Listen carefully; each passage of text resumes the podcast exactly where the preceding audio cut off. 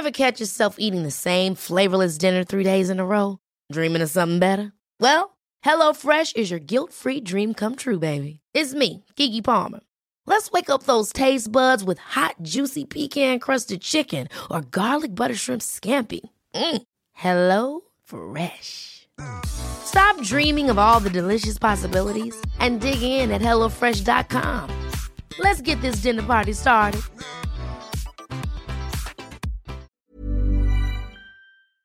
Göra saker på bårhus, jag hade ju ingen aning om vad det var för något, men jag visste ju att okej, okay, det är döda människor. Och det är ju det jag är rädd för, så att eh, inte själva döda människor, men jag är rädd liksom för själva begreppet döden. Mm. Att eh, dö själv, jag vill ju inte dö nu.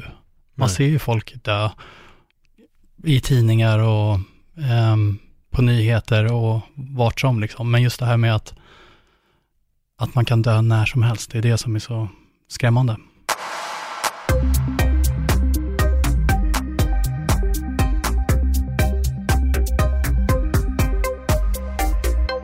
Karl Frid, välkommen till Öppet sinne. Ja, men tack för att jag fick komma.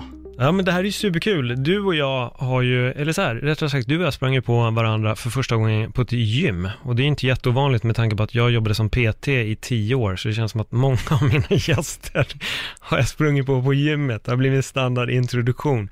Men sen har vi sprungit på varandra lite titt som tätt under åren. Ja, men precis. Och jag vet inte om du kommer ihåg det, men vi jobbade ju faktiskt på Sats tillsammans som personliga tränare på Vasagatan. Mm. Så det var där vi sprang på varandra Ja, egentligen. exakt, exakt. Det var där Har själva du minne från det eller? Jo, jo, men fan det kommer jag ihåg. Och jag tror att det roligaste minnet jag har, det var någon gång när eh, min ålder kom fram och din reaktion var, vad fan, du är lika gammal som mig. Ja, jag vet inte om det var bra eller dåligt, men jag hoppas att det var en komplimang. Jag vet inte. Jag tror att du trodde att jag var mycket yngre. Jag förmodade. antagligen. För du ser ju fortfarande ut som 25, så.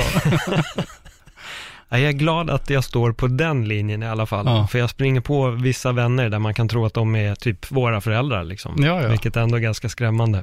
Men jag tror det där beror på lite vilket liv det är man lever egentligen. Mm. skulle jag nog säga. För jag menar fan, du håller ju också fräsch och både du och jag, vi är ju, vil- vilket år är du född? Jag är född 78, Ja, men jag är ju född 76. 76, just det. Ja, så att det är, jag fyller år på söndag, 43 år. Det är helt otroligt. Jävlar. Grattis Tiden går ju förskott. fort. Ja, Ja. men tack. Känner du skillnad på tiden? För att när jag gick i lågstadiet så upplevde jag att somrarna var hur långa som helst. Nu upplever jag att sommaren är ett fingerknäpp och sen är det över. Ja, men så är det ju faktiskt. Ja, Alltså, ju äldre man blir, ju tiden, alltså den går ju så fort. ja. Det är, det är faktiskt läskigt. Jag har försökt klura vad det där beror på. Min, min så här lilla hobbyteori är att när man var liten så hade man alltid så mycket att se fram emot. Mm. Så att det kändes alltid så lång tid mellan allting. Nu har man egentligen oftast bara en semester eller någonting så här. Om man ens man- har det. Ja, precis. Som man verkligen ser fram emot och då blir det som att tiden bara sticker. Nej, men det är faktiskt viktigt det du säger, det om att ha någonting att se fram emot. Ja. Och jag tror att det är någonting man verkligen bör göra. Att liksom sätta upp lite små mål eller roliga saker att göra. Mm. Så att man har någonting att se fram emot. Hur jobbar du själv med det där? Är det någonting som du gör? För det låter som att du sätter upp mål när du ändå säger det. Ja, men precis. Alltså, det räcker ju med att man bokar in någon resa. Eller Mm. någon helgaktivitet eller någonting som man ser fram emot. Ja. Så att det inte bara är här tradiga, liksom har vardag alla dagar i veckan, liksom, utan man bryter av på något sätt. Ja, Jag måste ju säga att det som har räddat mig de senaste åren, det är att jag kan jobba med någonting som jag brinner för. Och det har gjort att det har blivit lite enklare. Eh, men annars hade jag nog fastnat i den här, vad ska man säga, bara se fram emot helgsyndromet.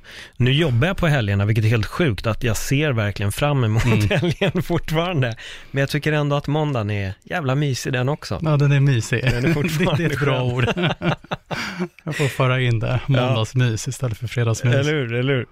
Men vi ska gå till liksom grunden egentligen varför Mm. du är här. Eh, vi har ju följt varandra på Insta du och jag ett tag och eh, nu kommer jag inte ihåg exakt när det var, men några månader sedan så la du upp en bild med en text som handlade lite om döden. Mm.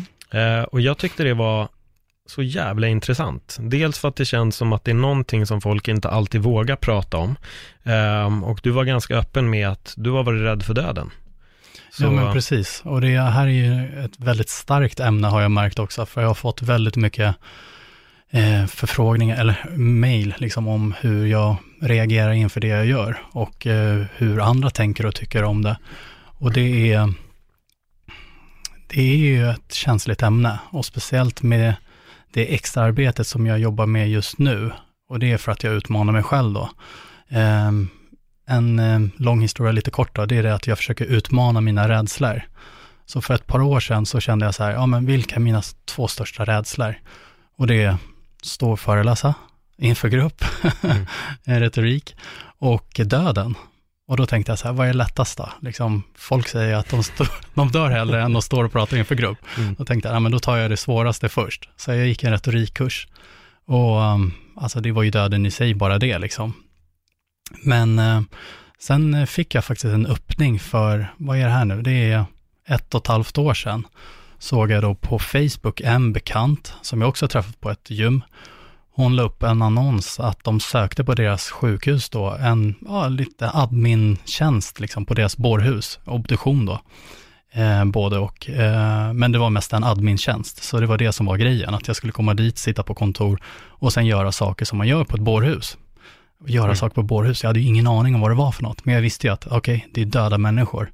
Och det är det jag är rädd för, så att eh, inte själva döda människor, men jag är rädd liksom för själva begreppet döden. Mm. Att eh, dö själv, jag vill ju inte dö nu.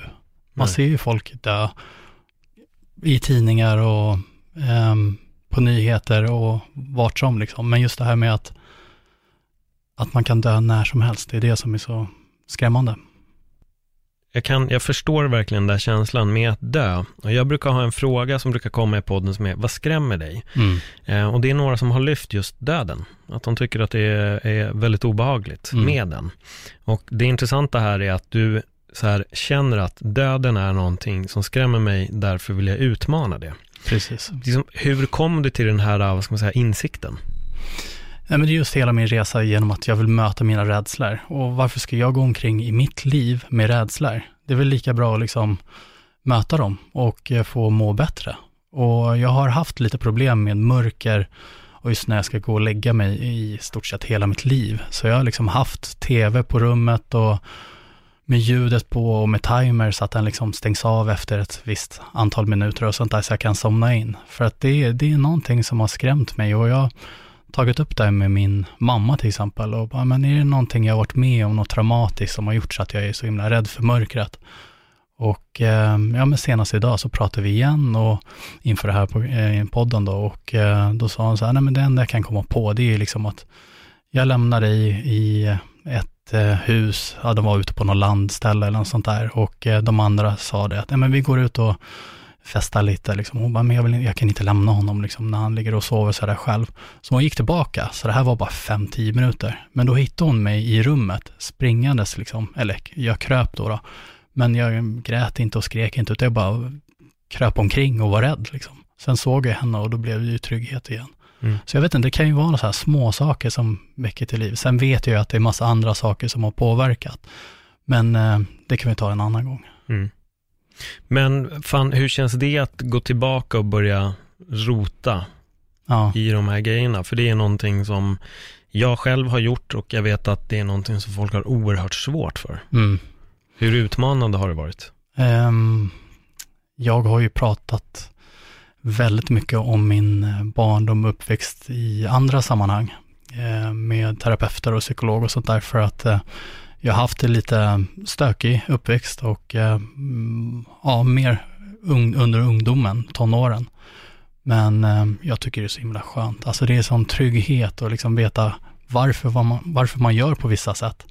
Och det är bättre att göra det än att liksom gå omkring och bara liksom i slentrian göra samma saker om och om igen, samma misstag, istället för att lära sig av misstagen och sen gå vidare mm. och bli en bättre person, person av dig, en bättre version. Vad tror du att det är som skrämmer folk så jävla mycket för att våga backa bandet? Det är nog sanningen och göra en förändring. Mm. Det är ju lättare och eh, vad, eller det, vad ska man säga, det är tryggare att vara i den man är än att göra någonting nytt och eh, bli någonting bättre. Mm. Jag tror det ändå är det som skrämmer. I mitt fall i alla fall. Ja. Den här resan som du gjorde, var det, liksom, var det bara en, en resa eller var det en resa i syftet att kanske lite så här utforska, söka efter sig själv och allt det här? Eller? Mm. Nej, jag var ganska medveten om vad jag ville göra. Just att jag ville utmana de här två största rädslorna. Um, och jag menar, överkommer jag de två, vad kan jag då göra liksom? Jag kan göra vad som helst känns det som. Så eh, jag började ju med att eh, söka det där jobbet mm. på bårhuset. och bara känslan det, liksom att jag hade inte sett någon död människa innan. Det är helt otroligt, men jag har haft eh, anhöriga som har dött runt omkring mig, men jag har aldrig sett dem döda. Och när jag var där på intervju så sa jag det, att jag måste ju liksom få känna in känslan där på bårhuset. Bara liksom att komma in där och känna doften och lukten av allt som händer där. Och um, det var ju liksom lite som jag trodde att det var när jag kom ner i lokalerna. De var ganska gamla på det sjukhuset, för de höll på att göra en flytt till en nyare avdelning. Men den här var ju lite äldre avdelning och, eh, och de liksom kände ju pulsen på mig och de var ju vana där, liksom tjejerna. Så att, ehm, ehm, ja, då bad jag om att få gå in i kylen och liksom bara känna av hur det känns att se döda människor. Och jag hade väl tänkt mig tanken att en människa som är avliden ligger med armarna i kors och blundar och ser ut att sova liksom. Men eh, det är ju inte riktigt så. Det du kan ju dö på många olika sätt. Och eh, den första människan jag såg dö då, jag menar det blir lite förvridet ansikte. Så att eh, munnen gapar och ögonen kan ju stirra, det, det torkas ihop och sådär. Så att det, ja, det var inte riktigt som jag hade föreställt mig. Hur eh, kändes det när du kom ut?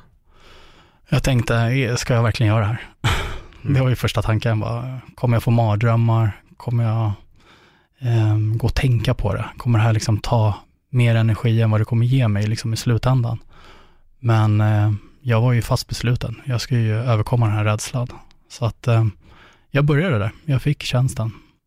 Hur var första natten och sova? Det var ju det som var helt knasigt egentligen. Det är att jag hade en mardröm innan jag kom dit. Och det var just liksom hur jag kommer uppleva liksom själva eh, den döda människan. Men eh, efter jag har varit där och efter att jag har sett den döda människan så um, har jag inte haft en enda mardröm. Inte en enda.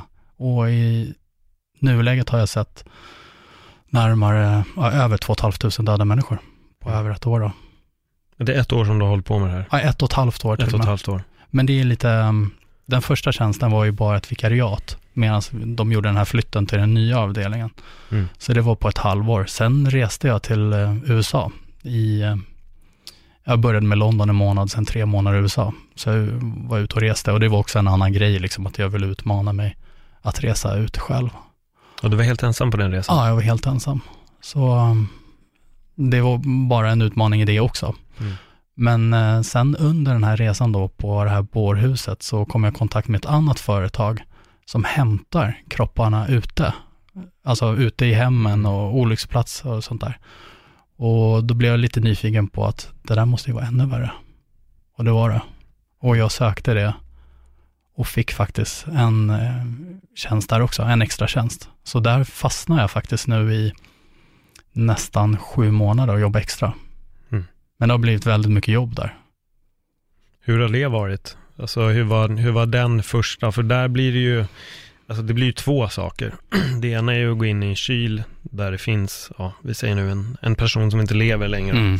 Men det andra blir ju faktiskt att åka hem till folk där det fortfarande finns både personer som lever och sörjer och eh, att du ska hämta någon som har gått bort. Eh, för det kan jag tänka mig också en, alltså det blir en utmaning på ett helt annat sätt. Hur kändes det när du fick eh, göra det den första gången, tänker lite? Nej men verkligen, och um, det var lite det som jag kanske fick jobbet också från första början där på bårhuset. Det var det att Eh, jag har jobbat eh, som hälsocoach och hjälpt mm, ja, en del människor liksom att komma över deras hinder med hälsa och psykisk ohälsa. Så um, det är väldigt mycket anhöriga man träffar på bårhuset också. Så eh, man har så kallade visningar av de avlidna. Så de anhöriga kommer dit i ett kapell och så får de liksom ta ett farväl. Och då har jag stått där som ett stöd mot dem. Jag har till och med suttit med då under hela visningarna som är då oftast på en timme och ja, pratat och varit ett stöd för dem. Så att det var inte första gången där, men första gången på bårhuset då, om vi säger så, så var det ju, det är ju tufft liksom att se andra falla i sån sorg. Mm. Och eh, vissa kan ju bli, de, de kan ju få panik. Verkligen den här paniken och slänger sig över kroppen och du vet. Så att det, det är tungt. Mm. Det, det, och det är ju alla åldrar också. Så att det, Den första döda personen jag såg, det var min farmor. Eh, hon var egentligen den sista av mor och farföräldrar att gå bort då. Eh, men jag valde att inte se någon av dem innan. Inte? Nej. Eh, jag var väl också rädd tror jag. Ja. Jag, jag, jag vet inte. Jag, jag ville behålla minnet av den levande istället. Eh, nu minns jag inte exakt när det var hon gick bort, men det var inte jättelänge sedan. Det var några, några få år sedan. Och det var i Spanien, då åkte jag dit och då var det precis där du säger att man fick åka till kapellet då och se. Eh, väldigt konstigt. Min upplevelse var att det var väldigt konstigt. Jag tyckte min farmor kändes, det var hon, men det kändes lite som en eh, typ vaxdocka mm, utav henne liksom. Man kunde se att, det, alltså som du säger, munnen den är inte stängd naturligt, så Nej. jag fattar att den är igenlimmad. Sen har jag varit ett ganska stort fan av serien Six Feet Under också, som han, handlar just om en familj som driver en begravningsbyrå. Där går, ige, går de igenom just all balsamering och, mm, och hela prylen. Då. Så jag var så här, okej jag ser att de har gjort det här och det här och det här, men det var, det var udda. Det var första gången på många år som jag också såg min pappa genuint gråta av sorg på ett Mm. sätt. Just att ta farväl sin mamma liksom, när hon var där. Och det var speciellt, samtidigt som det så här, är jobbigt så enar alla på något så här fint sätt också. Mm. Att alla kommer så nära. Jag tror att just under den stunden så fattar alla också att vi lever inte för evigt. Just, just, just där och då är alla fullt medvetna om det. Det känns som att två, tre dagar senare så går vi in i den här lilla illusionen igen om att vi kommer förmodligen inte dö liksom. Eh, Så det var min, min upplevelse med det där. Men jag tycker det är så otroligt starkt av det att liksom alltså utmana din rädsla, att lite så att ta tjuren vid hornen och bara mm. gå rakt in på det. Hur känns det idag? Om du tänker på den tiden som du hållit på med. Hur, hur känns det idag? Ehm, man vänjer sig på ett sätt så att man kan hantera det på ett annat sätt än vad man gjorde i början. I början tog jag med mig det väldigt mycket hem och funderade på det och eh, kände att är det verkligen så här det ska sluta? För att många, eller jag ska inte säga många, men en del dödsfall är ju inte så roliga. Eh, det kan vara missbruk, det kan vara olyckor, det kan vara självmord och eh, det är allt möjligt. Jag har sett det mesta kan jag säga. Och um, det är det som skrämmer en lite. Hur, hur ska min död bli? Kommer det vara att jag somnar in eh, som på ett äldreboende eller kommer det vara en olycka eller ja, det är det som är lite skrämmande. Brottas du ofta med de tankarna? Nej, det var lite mer i början faktiskt. Nu känner jag mer, nu har jag liksom nästan uppnått det som jag sökte efter. Jag är inte alls rädd för döden längre. Inte alls. Det är helt sjukt att jag känner så. Men det är så viktigt att vara närvarande i livet och inte känna att jag slösar tid på massa annat som jag inte vill ha i mitt liv. Så det är det som jag känner uppskattningen i vardagen, liksom att jag får faktiskt leva den här tiden som jag har nu och jag vill ta vara på den. Mm. Och därför är det ännu viktigare det här med att man säger att eh, det bästa man kan ge någon annan person, det är tiden. Och det är ju verkligen så. Verkligen. Jag känner så. Känner du att du har bränt tid tidigare i livet? Nu när du tittar tillbaka. Lite det du sa, du vill inte slösa tid på fel saker. Nej men precis, Eh, så, så har jag gjort, absolut. Eh, Men jag är ingen person som går och ångrar saker jag har gjort för att det känns ingen mening med det heller. Men absolut, jag kan ju reflektera och känna så här, ja, jag kunde ju ha valt en annan väg. Mm.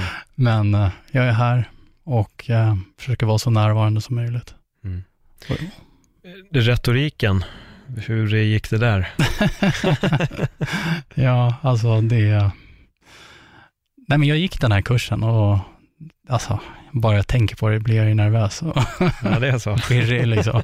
Däremot tycker jag det är så himla roligt att stå där uppe och Ja. prata. Nu har ju inte jag liksom varit på så många, eller hållit i så många föreläsningar i mitt liv. Men det är någonting jag vill börja med och det är nästa utmaning. Visste du att jag har hållit på med stand-up? Stand-up comedy? Ja, Mm. mm. För jag höll på med det i sju, nej vad var det, fem och ett halvt år, fyra eller fem och ett halvt år. Däremot visste jag inte att du har slutat med det eller? Ja, jo, och det gjorde jag för typ snart sex år sedan. Jaha, det är så pass så det är länge. sedan, ja. Ehm, men där, det är så roligt, för jag fick ju ofta höra det här som du sa, att folk är liksom räddare för att stå och prata än vad de är för Mm. döden. Mm. Men alltså jag fann så värsta glädjen i att gå upp och prata. Men jag kan också förstå att det är så jävla skrämmande för att det är ett sätt att, alltså det är väldigt naket liksom. Att gå upp och prata och få folk att lyssna och speciellt att få folk att skratta Mm. är nog egentligen värre än att bara gå upp och, och prata. För att då har de ett, de har en förväntning på dig. Eh, Du ska få dem att le. Och det är någonting som folk är inte alltid så jävla generösa med leenden. Nej. Det vet vi ju, vi som bor här i Sverige. Det, alltså i Spanien finns ett uttryck som heter spela inte svensk. Mm. Eh, och det är lite att så här, om du är på tunnelbanan och ser en person så tittar du åt andra hållet, att man, man duckar personen.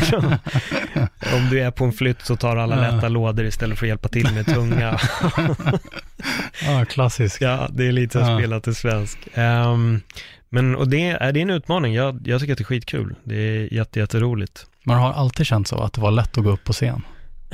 Ja, det sjuka där är att jag har nog känt mig mer hemma på en scen. Vad är det för fel på Eh, det? jag vet inte. Ja, det kan man verkligen fråga sig. Eller vad som är rätt då kanske? Ja, exakt, exakt. Jag vet inte, jag, alltså jag är så här, om jag går på en fest så kan jag säga att det är bekvämare för mig att stå och skämta med en mikrofon framför alla än vad det är att stå och kallprata med tre, fyra pers. Mm. Det har jag, det är egentligen jobbigare för mig att göra. Eh, en och en som det är nu tycker jag är skitroligt, Mm. men om det är så här liksom att man går på en fest och så ska man bara stå och kallprata med folk, jag tycker det är skitjobbigt alltså. Är det för att du inte är intresserad då? Eller Nej, för... verkligen inte. Jag tror bara att jag har nog lättare för att bara snacka inför alla liksom. Det är nog lite, jag vet inte. Du vill helst köra monolog då eller? Ja, Jag tror det. Ja. Jag tror att jag, då, då är jag mer i mitt element Ja. liksom. Eh, Jag har tänkt på det där flera gånger, att det är jävligt, ganska upp och nervänt Mm. för mig. Sen dör jag inte av att vara på en fest och stå och kallprata med folk, men Nej. det andra är enklare. Jag kan tycka att det är, det är jävligt mycket lättare. Jag vet inte var det kommer ifrån. Det, Men hur kändes det första gången du gick upp och liksom, fick du en sån bra feedback att de började skratta eller var det? Det fick jag. Eh, Ja. Jag fick faktiskt skratt ganska snabbt. Det kändes som att komma hem. Det var så det kändes för mig första Mm. gången. Jag har hållit på med teater och sånt innan, så det var inte första gången jag klev upp på en scen. Så det var liksom inte outforskad mark på det sättet. Det var bara eh, en annan, vad ska man säga, en annan sport, eller vad man nu ska kalla det. Mm. Liksom scenen var jag redan bekant vid, nu var det bara att jag skulle gå upp och göra något annat. Nu var jag ensam, nu kunde jag inte förlita mig på andra människor. Eh, men jag var tvungen att förlita mig på publiken liksom. Mm. Men sen tror jag också att jag har, jag, jag har alltid gillat när det har varit svårt för andra komiker att få skratt. Så jag brukar bara läsa av, om publiken är tyst, då är de där för att ha kul. Om de inte garvar åt dig, då är det du som inte gör jobbet. Ja men precis. Så jag kunde gå igång på att se att det, så här, det funkar inte riktigt för andra, jag bara nu när jag går upp då jävlar liksom. Mm. Men så var det ju inte från första gången, det var ju något, ett förtroende som växte med tiden Mm. för att jag var trygg i mitt material och sånt där. Ehm, Men kan det inte vara lite också så att folk går på sådana shower också och känner så här att ja, nu, nu måste du få mig att skratta här, visa liksom vad du, Ja, men så är det. Jag tror att det är, någon, det är någon komiker som alltid brukar säga, det är typiskt svenskt att sätta sig med armarna i kors och Ja, säga, precis. få mig att skratta Ja. nu, liksom. Få mig att le. Så här, det, är- det är verkligen upp till dig. Jag, jag ska inte göra något, mm. men du ska liksom få mig att garva. Det, det är ett samspel liksom mellan publiken. Och ja, det är ju det är en utmaning. Men jag tror också att majoriteten som sitter där, de dör nog hellre än att gå upp själva. och, och, och jag tror lite att det kanske är därför de också har Mm. lite rädda för att skratta. För att då blir de kanske den första som garvar, det kanske inte är riktigt rätt liksom. Mm. Så jag tror att det är, det är lite det. Men eh, som sagt, det är, en, det är två olika personer som går upp på, på scen och de som väljer att sitta där. Men är stand-up något som har lockat dig för att så utmana din grej ännu mer? Att lägga ett extra krav på din lilla retorik, ord och att också få folk att garva? Ja, det är roligt att du säger det, för jag har ju faktiskt haft den tanken. Men eh, det är ett, eh, ett steg längre bort. Men Mm. absolut, jag har ju tänkt på det.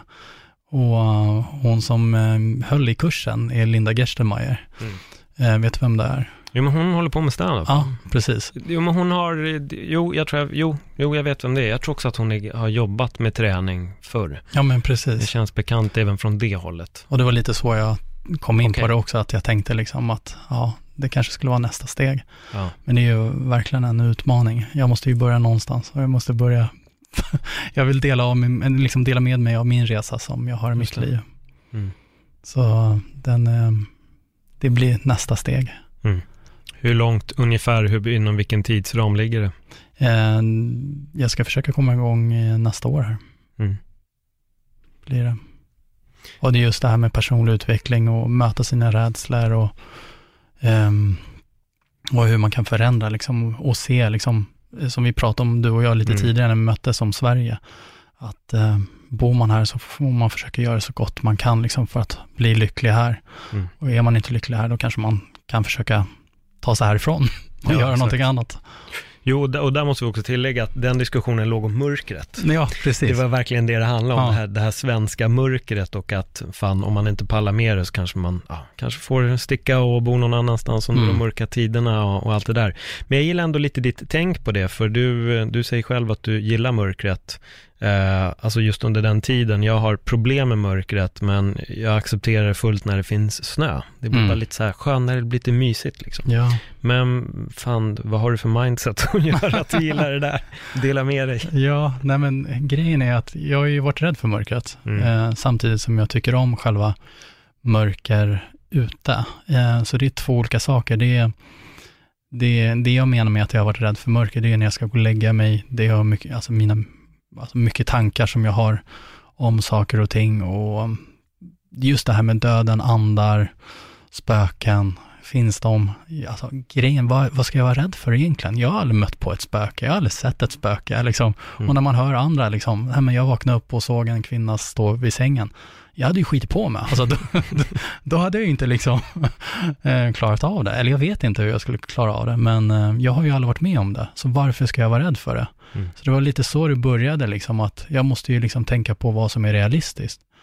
Ehm, sen tror jag ju på det, Mm. på något konstigt sätt. Jag tror ju att det är någonting som, energier som finns runt omkring oss. Och det har jag ju känt i olika hem jag har bott i.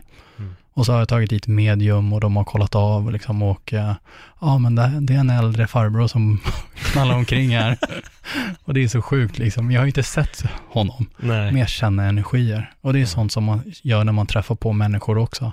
Vissa personer har en dålig energi Mm. som bara suger ut ens egen energi. Och det är, det är inte roligt. Och det är på samma sätt tror jag med andar och Mm. sånt som man springer på i vindar och sånt. Fan, jag börjar bara tänka min före detta flickvän. Hon eh, snackade i sömnen. Oh, Eh, och jag tror att du hade nog fått panik alltså. för det var första natten då det liksom hände. mm. För, för det hände inte hela tiden, men den första natten det hände, då vaknade jag av att hon sitter och pratar rakt ut bara. Mm. Och min första, jag hör hennes röst, jag bara fuck det är någon i lägenheten, du vet så jag rycker till och sätter mig Ja. upp också. Och tänker vad är det som händer?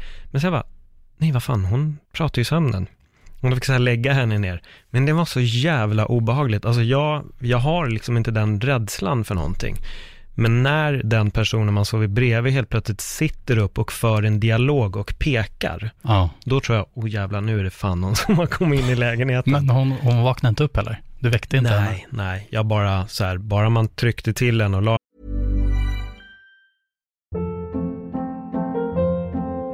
Hold up. What was that? Boring. No flavor. That was as bad as those leftovers you ate all week. Kiki Palmer here, and it's time to say hello to something fresh and guilt-free. Hello Fresh. Jazz up dinner with pecan-crusted chicken or garlic butter shrimp scampi. Now that's music to my mouth. Hello Fresh. Let's get this dinner party started. Discover all the delicious possibilities at hellofresh.com.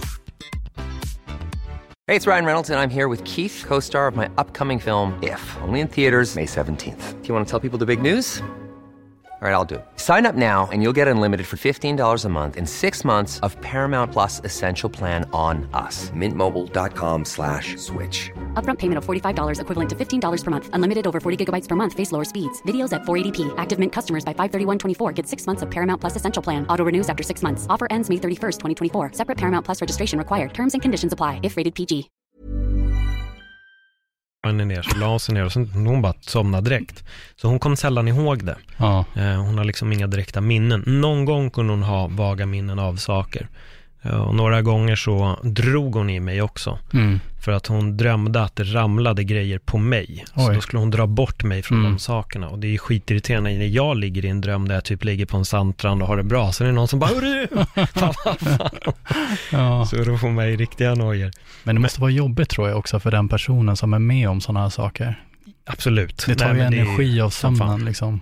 Som fan. Och det, och det, det är det här, jag är lite nyfiken på liksom vad forskningen egentligen skulle säga om, om det. För Mm. det känns ju som att, alltså vi bearbetar ju grejer i våra drömmar. Liksom. Mm. Och att drömma de här grejerna, för att jag undrar alltså om man är halvvaken eller inte liksom. Alltså det är, det är jävligt speciellt. Jag, alltså jag prat, eller skrev faktiskt med en kvinna idag på Instagram. Just, eh, hon tog upp det bara från Mm. ingenstans. Liksom. Eller det var det att hon hade haft problem att sova.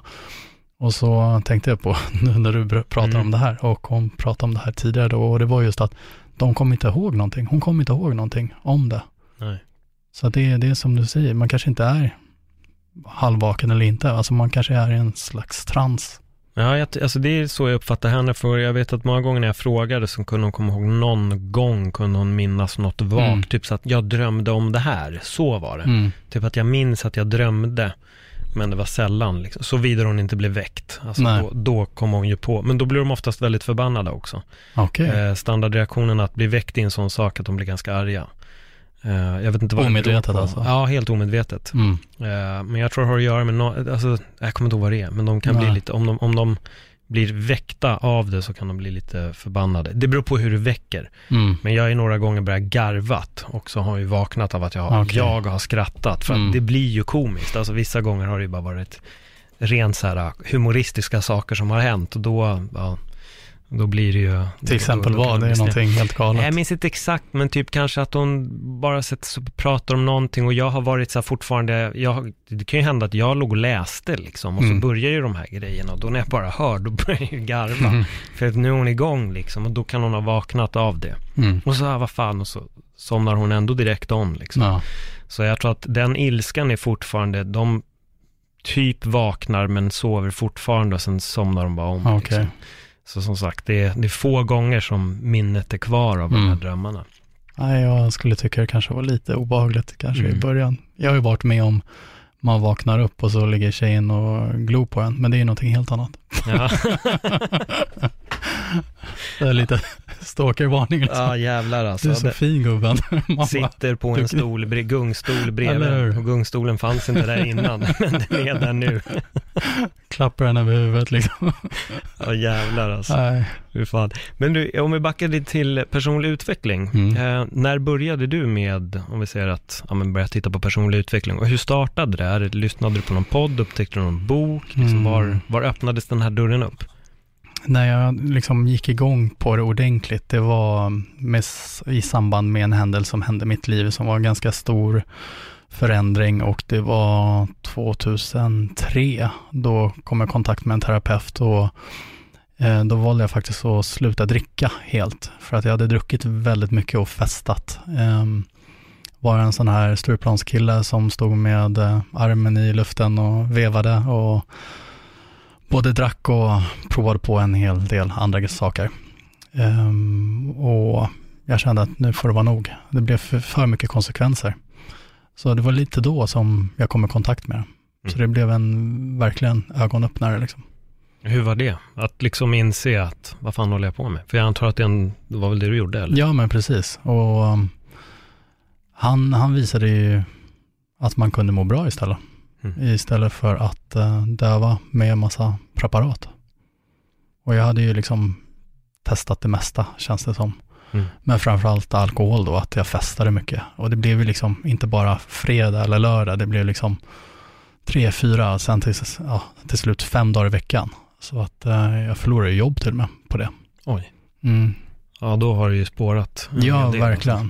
Det var ju inte så att jag satt hemma och drack. Ehm, jo, i, när man satt och värmde innan jag skulle ut Mm. liksom. Men det var inte så att jag vaknade, drack och sen körde det racet, utan det var, det var fest. Men det var ju liksom fest ja, många dagar i veckan. Mm. Så det, det var tröttsamt. Dricker du idag eller är det något du har lagt ner? Nej, Jag dricker ingenting idag. Nej. Var det ett uppbrott som kom då eller kom det senare? Eh, nej, jag gjorde uppbrottet då liksom eh, och var nykter nästan tio år och sen träffade jag en yngre tjej. Och eh, då kom ju de här tankarna så här, va, har jag verkligen problem?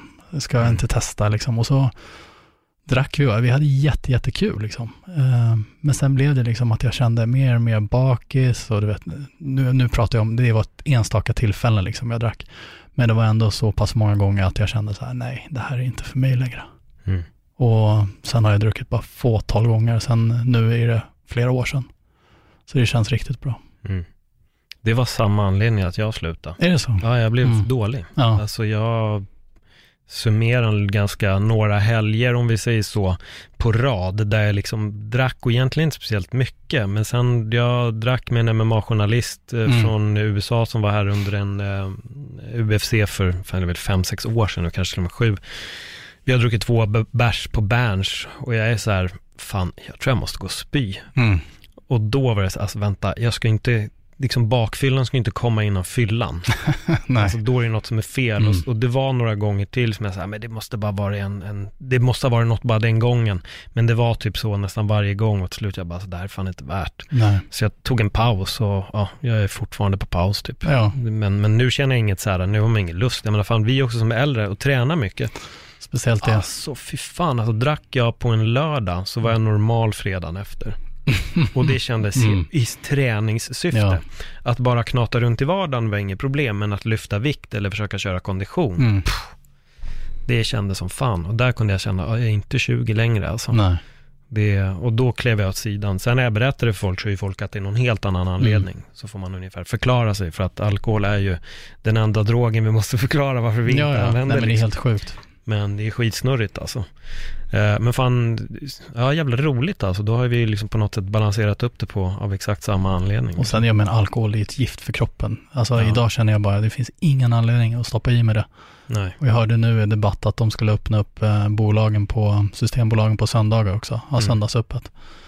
Ja, alltså, man kan ju planera i så fall och ha sin flaska vin på söndagen. Jag vet inte, det är väl en ganska het debatt, men ja. Ja, jag tycker det roligaste är att bolaget gör reklam för att säga att på grund av Systembolaget så dricker folk mindre.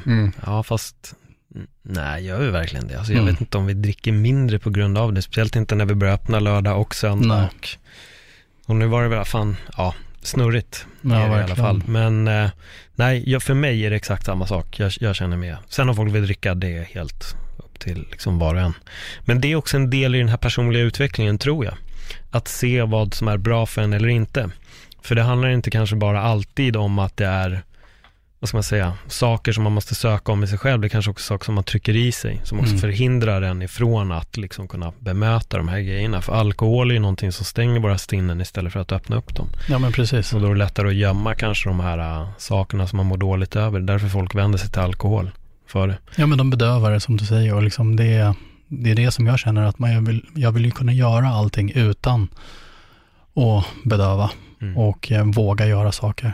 Och sen är det så hemskt, jag menar, om vi går tillbaka till det extra jobbet som jag har nu. ehm, jag, jag ser ju faktiskt eh, den bittra sanningen, den baksidan på det här. Liksom, människor som är helt ensamma och sitter och dricker ensamma och är ehm, psykiskt sjuka. Det är, och det är hemska dödar, alltså hemsk död de upplever i ett missbruk. Mm. Det, kroppen går ju sönder, så att det, det är inte roligt alls att se. Och det är det som är så tragiskt, att det är så mycket människor i Sverige. Det är en helt annan värld om man ser det på det sättet, att det, de sitter där och de kan vara bortglömda, eh, både gamla som unga missbrukande, liksom, eh, eller bara liksom, bortglömda. De har inga anhöriga och de kan bli eh, hittade först efter flera månader. De har legat där, liksom. ingen har saknat dem. Mm. Ska det vara så? Jag tycker inte det. Nej, det där är jävligt otäckt. Det är Mm. någonting, jag kan säga att det där är en sån sak som kan skrämma mig. Mm. Inte, jag ska nog säga att jag är inte direkt, jag är inte rädd för döden.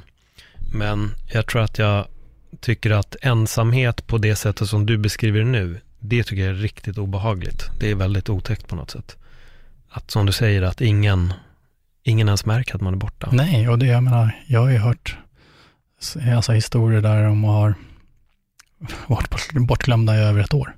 Mm. När de upptäcker det, det är för att Autogiro liksom har slutat fungera, eller på något sätt att eh, elen kanske har slutat funka, eller någonting du vet, och upptäckt personen i fråga. Förstår du? Det är hemskt. Men det måste ju bli en jävla doft. Jag tänker nu om vi bara leker med tanken att Mm. de bor i ett hyreshus eller en bostadsrätt, eller vad det nu må vara. Det måste ju bli en jävla lukt. Ja, det är en stank. Ja. Eh, och eh, det är någonting jag har fått uppleva nu eh, nästan till dagligen. Och det är en hemsk stank.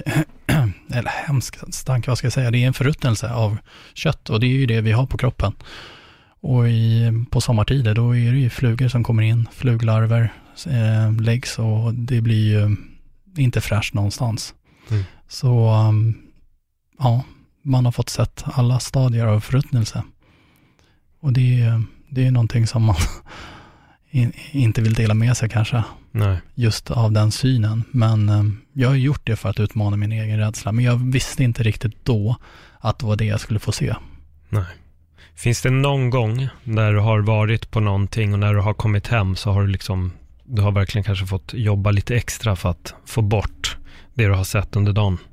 Jo men absolut. Ehm, jag har ju fått vara med om alla olika sorters olyckor och eh, självmord och ehm, ehm, hämta till exempel barn, ungdomar, tonåringar. Och jag bara känner nu att det, det är ju tungt eh, att sitta där liksom med ett barn i famnen när man plockar upp och, och till exempel eh, kroppar som är helt trasiga.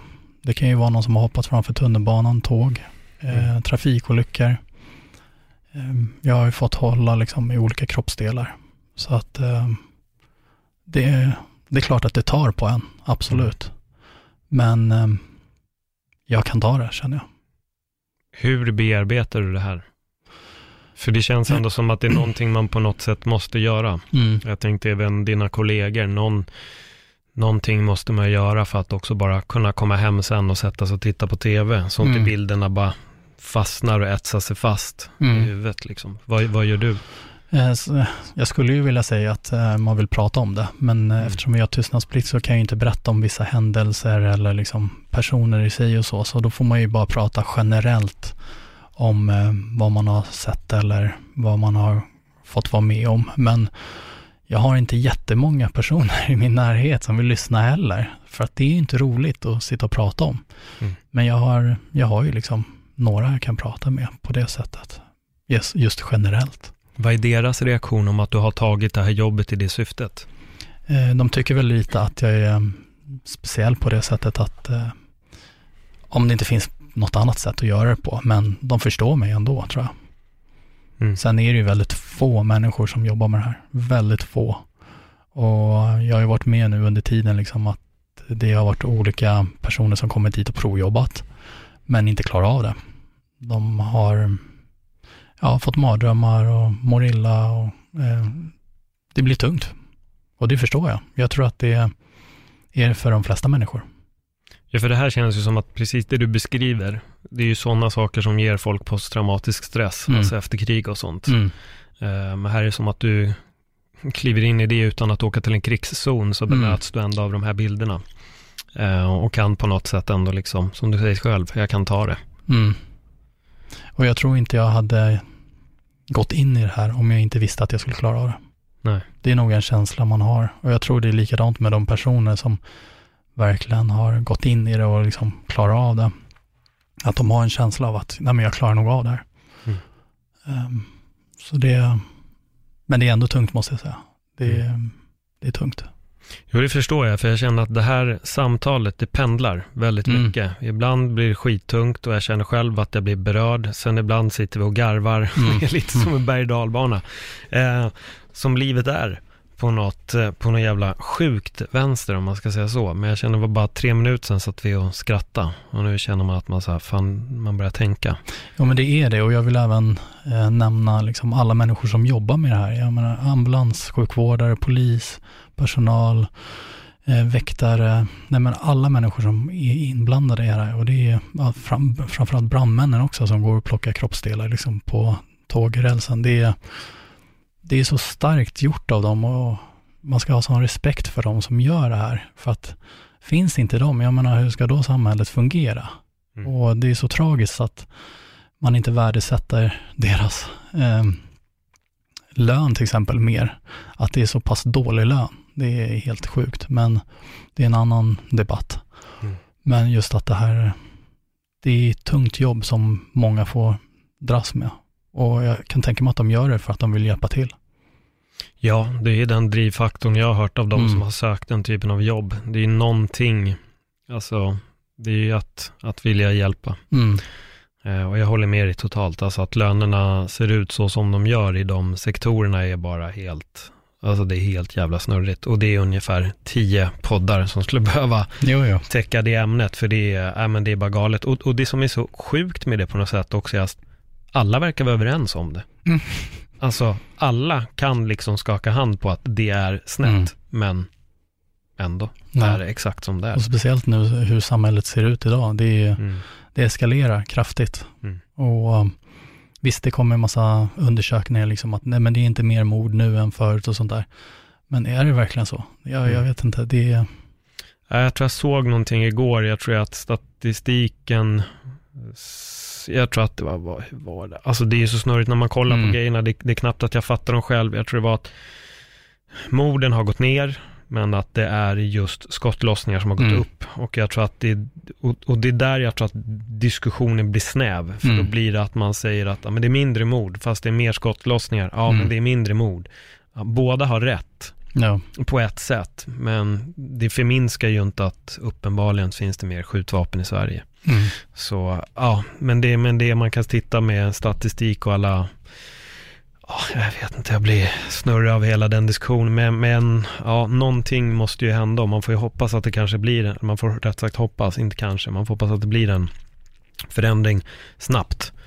Och att alla som också gör liksom de grejerna, allt det som du nämnde, Mm. att också förändra sig för dem, så att de som också har det här äh, viljan att ta sig till de jobben, att de också väljer att gå dit. Mm. Eh, Att inte lönen blir så skit att man känner att äh, jag kan fan göra något annat. För Ja. att det finns ju till slut så är det ju en ekonomisk gräns. ja, men precis. Och det är ju liksom typ första eller andra frågan jag får. Ja, shit, Mm. det måste vara riktigt bra betalt det du gör liksom. Mm. Men nej, det är ju det är samma som poliser och sjukvårdare och Mm. det, allt. Mm. Så det, det är ju samma. Hur länge tror du att du kommer fortsätta göra det här? För att eh, om jag har förstått allting rätt så är det här egentligen ett jobb som du inte behöver göra, utan du gör det för att du vill. Du vill utmana alla de här rädslorna och de här grejerna som du känner varit jobbiga. Mm. Men hur länge till känner du att, fan, ja, hur länge känn till vill du Ja, göra det? Saken var ju att jag körde ju där på bårhuset i ett halvår. Mm.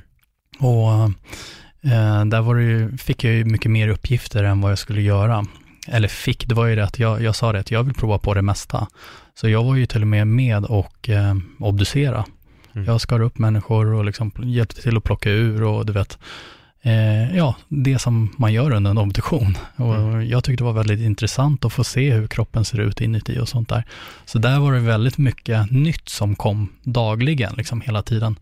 Här är det ju mer att eh, du gör samma saker varje dag, men eh, det är väldigt variation på olika händelser som man kommer till. Det kan ju vara helt olika områden, helt olika ehm, ehm status här i klass liksom, i samhället och ehm, det kan ju vara olika på det sättet, men det är ändå ungefär samma saker som man gör. Ehm, förstår du vad jag menar? Det är ändå Ja, att du transporterar av lina, du kör dem till ett bårhus, så det är ungefär samma saker, men det är väldigt stor variation vad man får se och vad man gör. Mm. Men jag känner att jag har kommit till den nivån ehm, som jag ville uppnå. Mm. Så eh, det var ju ett extra jobb från början, men det är det att de hade inte full personal, så jag hoppade in och jobbat väldigt mycket då. Ehm, Men jag känner att ehm, jag har ju så mycket annat jag vill göra. Jag vill hjälpa till på annat sätt också. Mm. Så um, eh, jag kommer nog säkert jobba lite extra där, men inte så fullt ut som jag har gjort hittills. Vad är det du vill hjälpa till med? Nästa steg? Nästa steg, det är, jag, jag har ju många idéer, Mm. men eh, alltså jag gillar ju att sätta igång saker. Och som jag nämnde tidigare, jag har olika projekt med andra affärer, liksom fastighets, eh, eller vet du, eh, mäklarbyrå i Marbella och jag ska över till Cypern nästa vecka med investeringar, fastigheter och sånt där. Men det känns mer, visst det är affärer, det kanske ger mig, genererar bra pengar. Men jag vill liksom ut i samhället, jag vill göra en skillnad. Jag vill liksom, det låter som en klyscha, men jag vill hjälpa ungdomar, jag vill hjälpa människor som behöver den hjälp som jag kanske kan ge. Och det är någonting, och den hjälp som jag kan ge, det är ju min erfarenhet. Så det är där jag kommer börja och jag vill ut och föreläsa. Mm. Ja, då får du tackla rädsla nummer två. Ja, men precis. Det är det som är meningen. Mm. Vad skrämmer dig idag? Um, jag är singel mm. och uh, den här letandet efter, hitta den perfekta flickvännen liksom, det, när man inte är perfekt själv. Mm. Så det är den som är rädslan att um, det är svårt att hitta någon som man kan matcha med. Visst, man matchar många med, på Tinder, men hur många är det man går och träffar verkligen? Det, mm. den är... Men tror du att den perfekta finns där ute eller jagar vi en illusion? Jag tror att vi får skapa någonting som verkligen fungerar tillsammans, som man känner lycklig i just med den personen. Men jag tycker att man ska sätta ett högt värde på sig själv och inte nöja sig med mindre än vad man känner Nej. att man kan få. Verkligen. Och jag, sånt känner man ju när man träffar den människan. Mm. Jag har ju haft kärlek tidigare och det är ju helt underbart. Och då vet du ju hur den känslan känns. Mm. Är det här någonting som har kommit mer på grund av det jobbet som du gör? Jag tänker lite nu också att du har sett väldigt många kanske där lite ensamma. Är det mm. någonting som har blivit lite mer påtagligt? Ja, men jag tänker ändå liksom att jag är 43 och jag har haft eh, helt underbara flickvänner. Eh, nu i efterhand kanske jag skulle agerat på ett annorlunda sätt för att jag vet att vissa av dem skulle jag kunna haft ett helt underbart liv med. Men eh, jag kan ta på mig det ansvaret och känna att jag inte var redo just då och min resa fortsätter ju. Så jag kanske inte är riktigt redo för att träffa den perfekta just nu heller, utan mm. jag får jobba lite mer med mig själv och sen men det är ju det som är saken också. Jag vill ju träffa någon som som är med mig i den resan. Förstår du om man sitter där om 20 mm. år och bara kommer ihåg hur du tänkte då? mm. hur du reagerade, hur du agerade. Och man gör den här resan tillsammans. Det är likadant när man är ute och reser i världen. Man vill ju uppleva det med någon. Mm. Man vill ju ta den här bilden, man vill ju ha det här minnet senare liksom. Uppleva tillsammans. Då måste jag fråga, hur var det att göra den här resan själv? Den du åkte på till London och USA. Hur var det att göra det ensam? För du sa själv, eller du sa tidigare, om jag inte har helt fel, att det var någonting som du också skrämde dig lite, åka själv. Inte skrämde mig, men Nej. mer att liksom uh, ta den tiden, åka iväg och känna att uh, man är i sitt eget sällskap hela tiden. Nu var det ju att jag träffade ju olika människor på vägen, men det är ändå så här att ja men vill jag hajka, då är det ganska bra att liksom få med sig någon så att man inte råkar ut för en olycka och ligger där själv liksom och ingen kan larma någon. Så att, um, men det är roligt att det finns till exempel Instagram, liksom. då kan man ju skriva med varandra, man taggar i någonting och sen är det någon som följer med liksom på den hajken eller vad man nu ska göra, åka och besöka grottor och sånt där. Men um, jag, jag, tycker, jag, jag trivs bra i mitt sällskap.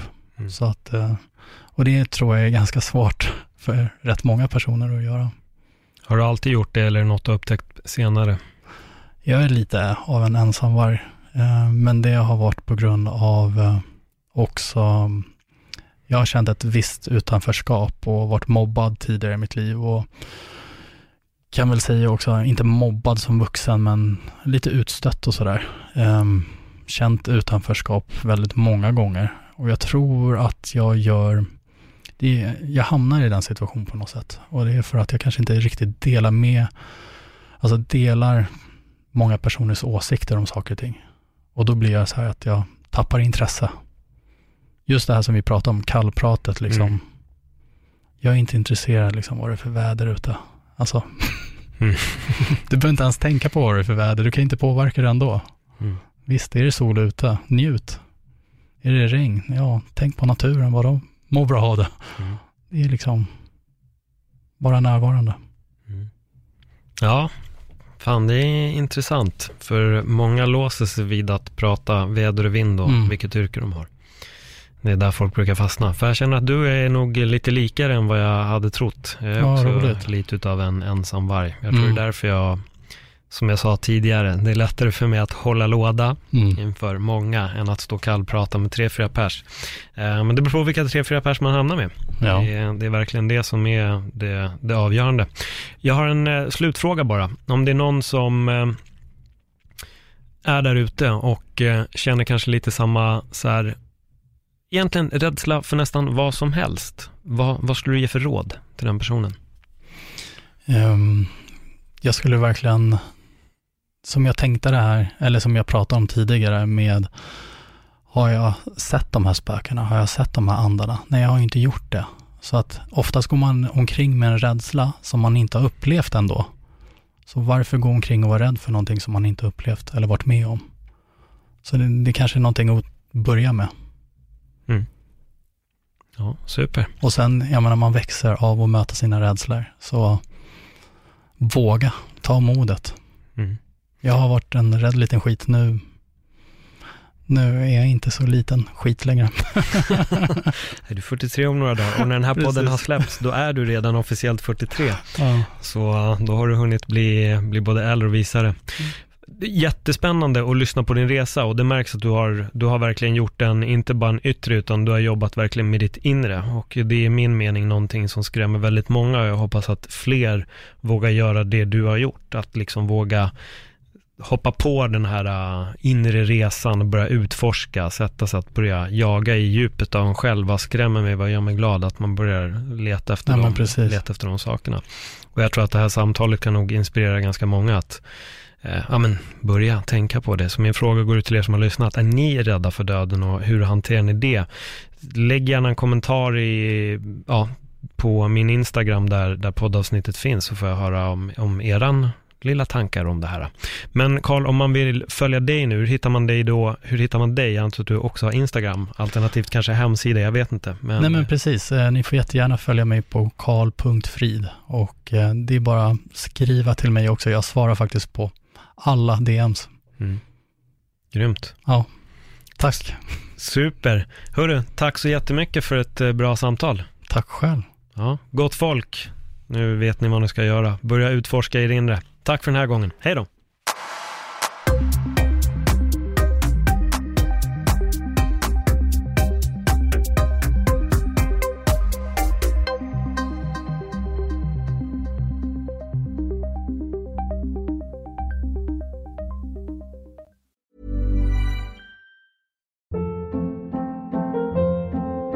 Hold up. What was that? Boring. No flavor. That was as bad as those leftovers you ate all week. Kiki Palmer here, and it's time to say hello to something fresh and guilt-free. Hello Fresh. Jazz up dinner with pecan-crusted chicken or garlic butter shrimp scampi. Now that's music to my mouth. Hello Fresh. Let's get this dinner party started. Discover all the delicious possibilities at hellofresh.com.